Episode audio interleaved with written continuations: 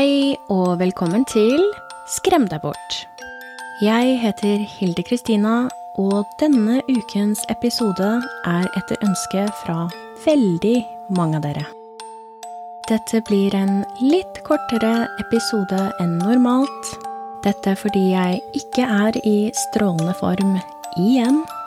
Men jeg vil ikke etterlate dere med ingenting, så jeg håper dere kan tilgi meg for at denne episoden blir litt kort. I denne episoden så skal jeg fortelle deg om virkelighetens Dracula, Vlad the Impaler. Altså Vlad Spidderen. Personlig så har jeg ikke lest Bram Stokers Dracula, men de fleste historikere er enige om at boken var løst inspirert av Vlad the Impaler. Bram Stoker besøkte aldri hjemlandet til Vlad, men han skal ha notert ned navnet Dracula etter at han hørte historien om Vlad. Trigger warning, som dere kanskje skjønner av navnet Vlad the Impaler, altså Spidderen, så er ikke dette episoden for deg om du ikke orker å høre om menneskelig tortur. På forhånd så må jeg be om unnskyldning, jeg kommer nok helt sikkert til å uttale noen stedsnavn og andre navn helt feil. Med det sagt, la oss kaste oss inn i historien om en av de verste menneskene jeg noensinne har hørt om.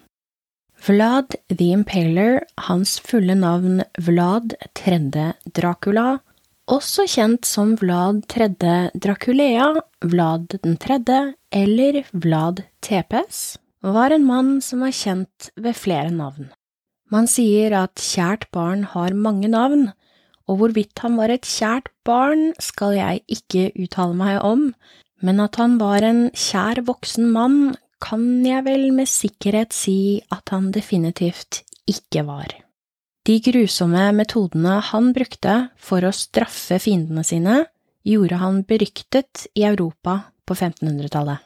Vlad ble født i 1431 på et sted som jeg tror uttales Sigi Shwara i Transylvania, altså det vi i dag kaller Romania.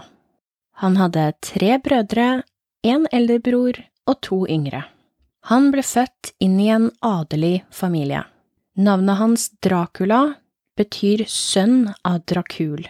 Dracul stammer fra latin og betyr drage. Det vil si, det betydde drage på den tiden. Nå betyr det djevel. Og det skulle ikke forundre meg om dette ble endret etter at Vlads historie ble kjent. Dette navnet ble til etter at faren hans ble viet inn i The Order of the Dragon. Dette var en ridderorden som ble skapt av romersk hersker Sigismund, og ble skapt for å beskytte kristne Europa mot det ottomanske riket. I 1436 så flyttet Vlad og familien til, og jeg beklager om jeg uttaler dette feil, Dagor Vyrste i Valakia. Det da faren til Vlad ble leder av fyrstedømmet Valakia, som er en region av nåtidens Romania. Det ottomanske riket ønsket seg Romania, og uten å gjøre dette til en historietime utover det å snakke om grusomhetene Vlad gjorde, det hele dreide seg om ulike riker som ønsket at deres religion skulle være verdens hovedreligion. Faren til Vlad ble beordret til å vise lojalitet overfor sultanen, lederen av det ottomanske riket. Faren til Vlad ble kalt inn til et diplomatisk møte med sultan Murad 2. i 1442, og han tok med seg de to sønnene sine, Vlad 3. og Radu. Dette møtet var riktignok en felle. Både faren og de to sønnene ble tatt til fange. Faren ble løslatt kort tid etterpå, men en betingelse for at han skulle bli løslatt, var at de to sønnene hans måtte bli igjen. De skulle vokse opp ifølge sultanens tradisjoner, og de ble holdt som sikkerhet for at faren til Vlad skulle gjøre det de ønsket at han skulle gjøre. Faren til Vlad var jo en del av The Order of the Dragon, som var mot det ottomanske riket, altså for kristendommen. Og jeg kan ikke engang forestille meg hvordan det var å få to sønner stjålet vekk, mens du vet at de nå vil bli oppdratt etter muslimsk tro, noe som går helt imot det du selv tror på. Mens Vlad og Radu var i fangenskap, så ble de opplært innen vitenskap, filosofi og kunst. Vlad ble også en dyktig rytter og kriger. Noen hevder at han også i løpet av denne tiden ble torturert, og at han skal ha vært vitne til at fiendene til ottomanerne ble spiddet. Han ble tatt til fange da han bare var elleve år gammel, så dersom han var vitne til grusomhetene, og kanskje opplevde tortur selv, så kan det forklare hvorfor han senere ble en stor tilhenger av barbariske torturmetoder selv. Senere var hans eldste bror Mircea og hans far i Transylvania da ungarske rebeller tok over Valakia. Mircea ble blindet, torturert og begravet levende. De drepte også Vlad Dracul altså Vlads far. Noen hevder at de to ble begravet levende sammen, men dette vet vi ikke med sikkerhet. Denne tragedien kan også ha ført til at Vlad, for å si det på en pen måte, tok litt av. Broren til Vlad, Radu, aksepterte etter dette det ottomanske riket, og han konverterte til islam. Vlad derimot var en annen historie. Han gjorde alt han kunne for å gjøre de sinte, men til tross for dette så likte ottomanerne han veldig godt. Og på grunn av dette så ønsket de å hjelpe han med å få riket hans tilbake, da ved å drepe de ungarske rebellene som hadde drept faren og broren hans. Men dette kom ikke uten betingelser. Han fikk sitt rike, men de styrte jo han så det var utvilsomt egoistiske tanker bak deres ønske om å hjelpe Vlad. Så ottomanerne hjalp Vlad med å drepe de ungarske rebellene som hadde tatt fra han riket i utgangspunktet, og hjalp Vlad slik at han nå satt på tronen i Valakia. Deretter trakk de seg tilbake og lot Vlad gjøre akkurat som han ville. Men på tronen ble han bare sittende i to måneder før de ungarske rebellene kom tilbake og tvang Vlad til å flykte. Han flyktet og holdt seg borte i hele tre år. I løpet av den tiden så var han i og rundt Transylvania, og der møtte han en ungarsk kriger ved navn Janos Hunyadi. Janos hatet det ottomanske riket, så han hjalp Vlad med å samle en hær. De dro tilbake til Valakia og kjempet mot de som hadde kastet han ut.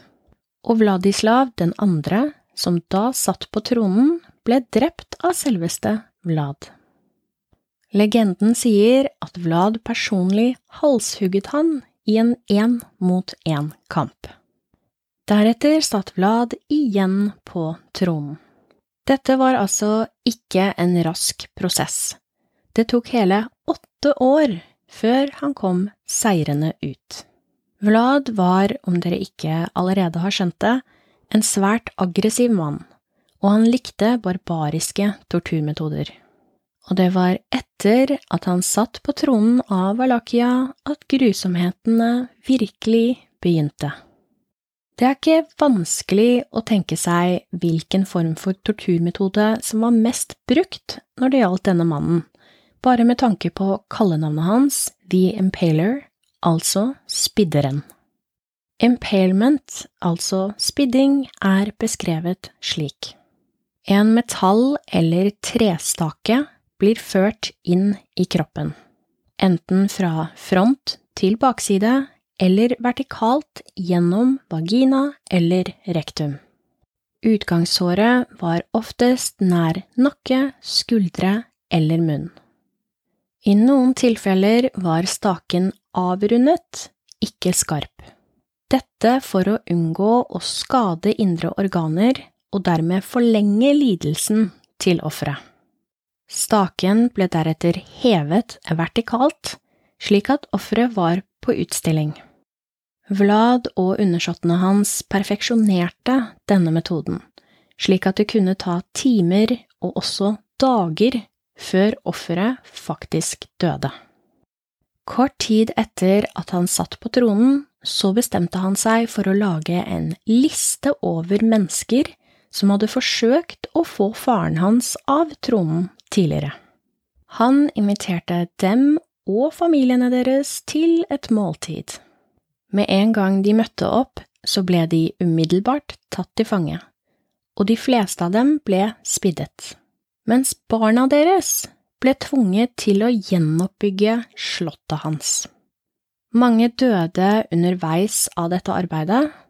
De som fullførte arbeidet, ble drept, høyst sannsynlig også ved spidding så snart jobben var fullført. Og med spidding så var det ikke kun snakk om rask spidding med en stake, og det var det, nei da. I noen tilfeller ble ofrene hans senket over staker, sakte, men sikkert, for å oppnå en maksimal form for tortur. Og jeg vet ikke med dere, men tanken på å sakte bli senket over en stake og sakte bli spiddet, jeg kan nesten ikke tenke meg noe verre.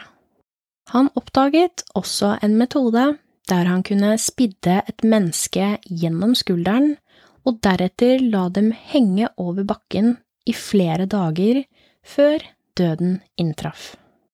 Vlad og undersåttene hans brukte med andre ord mye tid og energi på å finne ut hvordan de kunne spidde mennesker på en ikke veldig effektiv måte, men heller på en måte der det var mest mulig smertefullt. Til tross for at Vlad også er kjent for å ha brakt orden og stabilitet til Valakia, så var måten han styrte på uten tvil både ondskapsfull og grusom. Dusinvis av saksiske kjøpmenn i Kronstadt, som en gang var alliert med motstanderne hans, ble spiddet i 1459. Da var Vlad altså bare 28 år gammel. En annen hendelse skjedde i 1459, der diplomater i et møte med Vlad nektet å fjerne hattene sine og hevdet at dette var av religiøse grunner.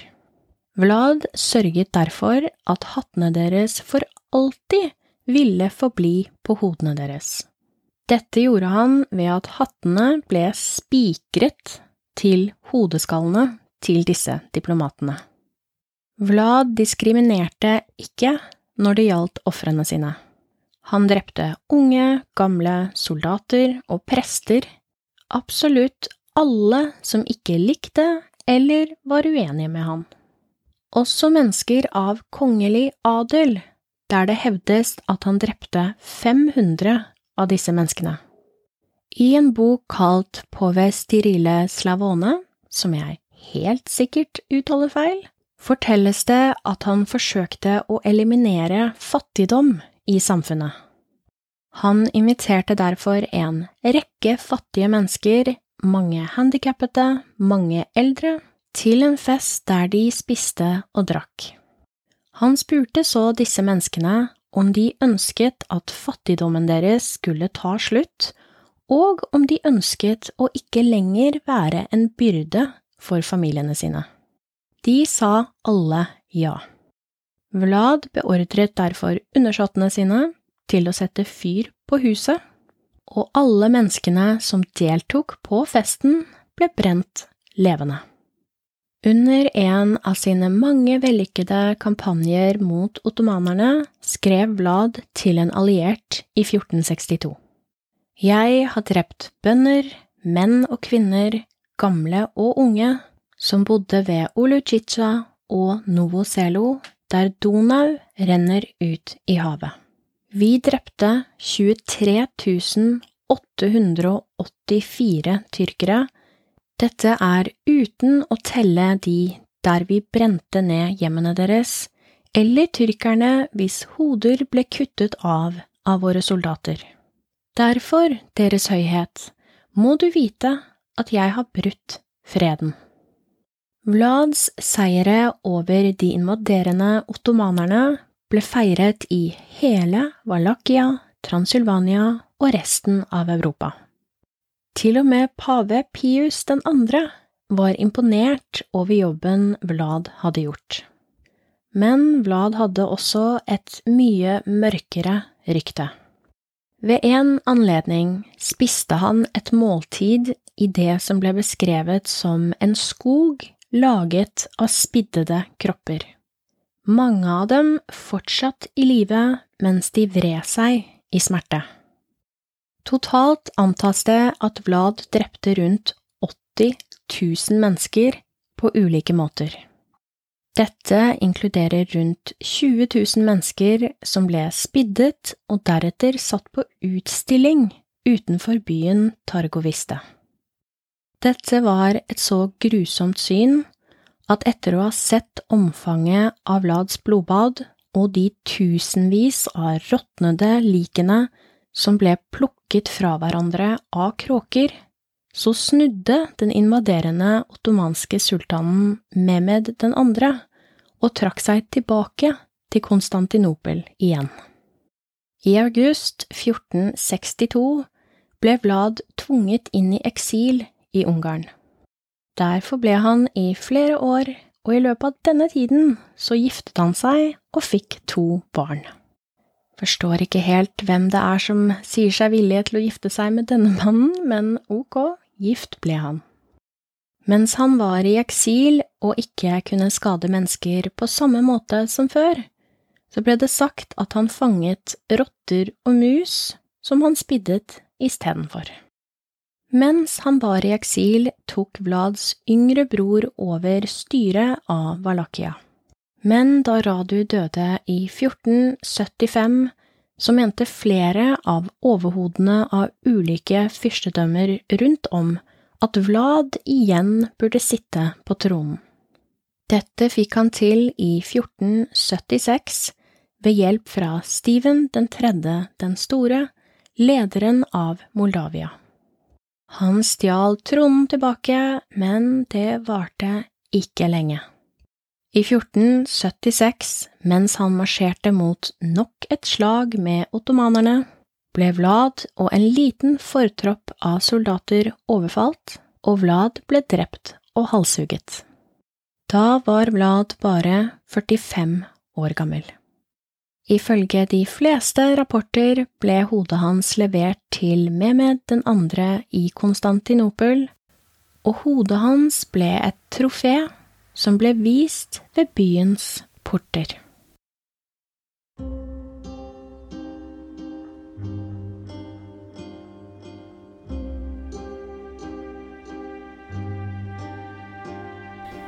Takk for at du hørte på denne episoden av Skremdabort.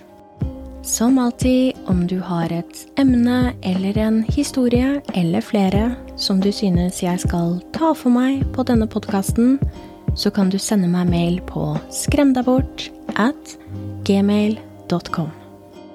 God natt eller god morgen. Vi snakkes snart.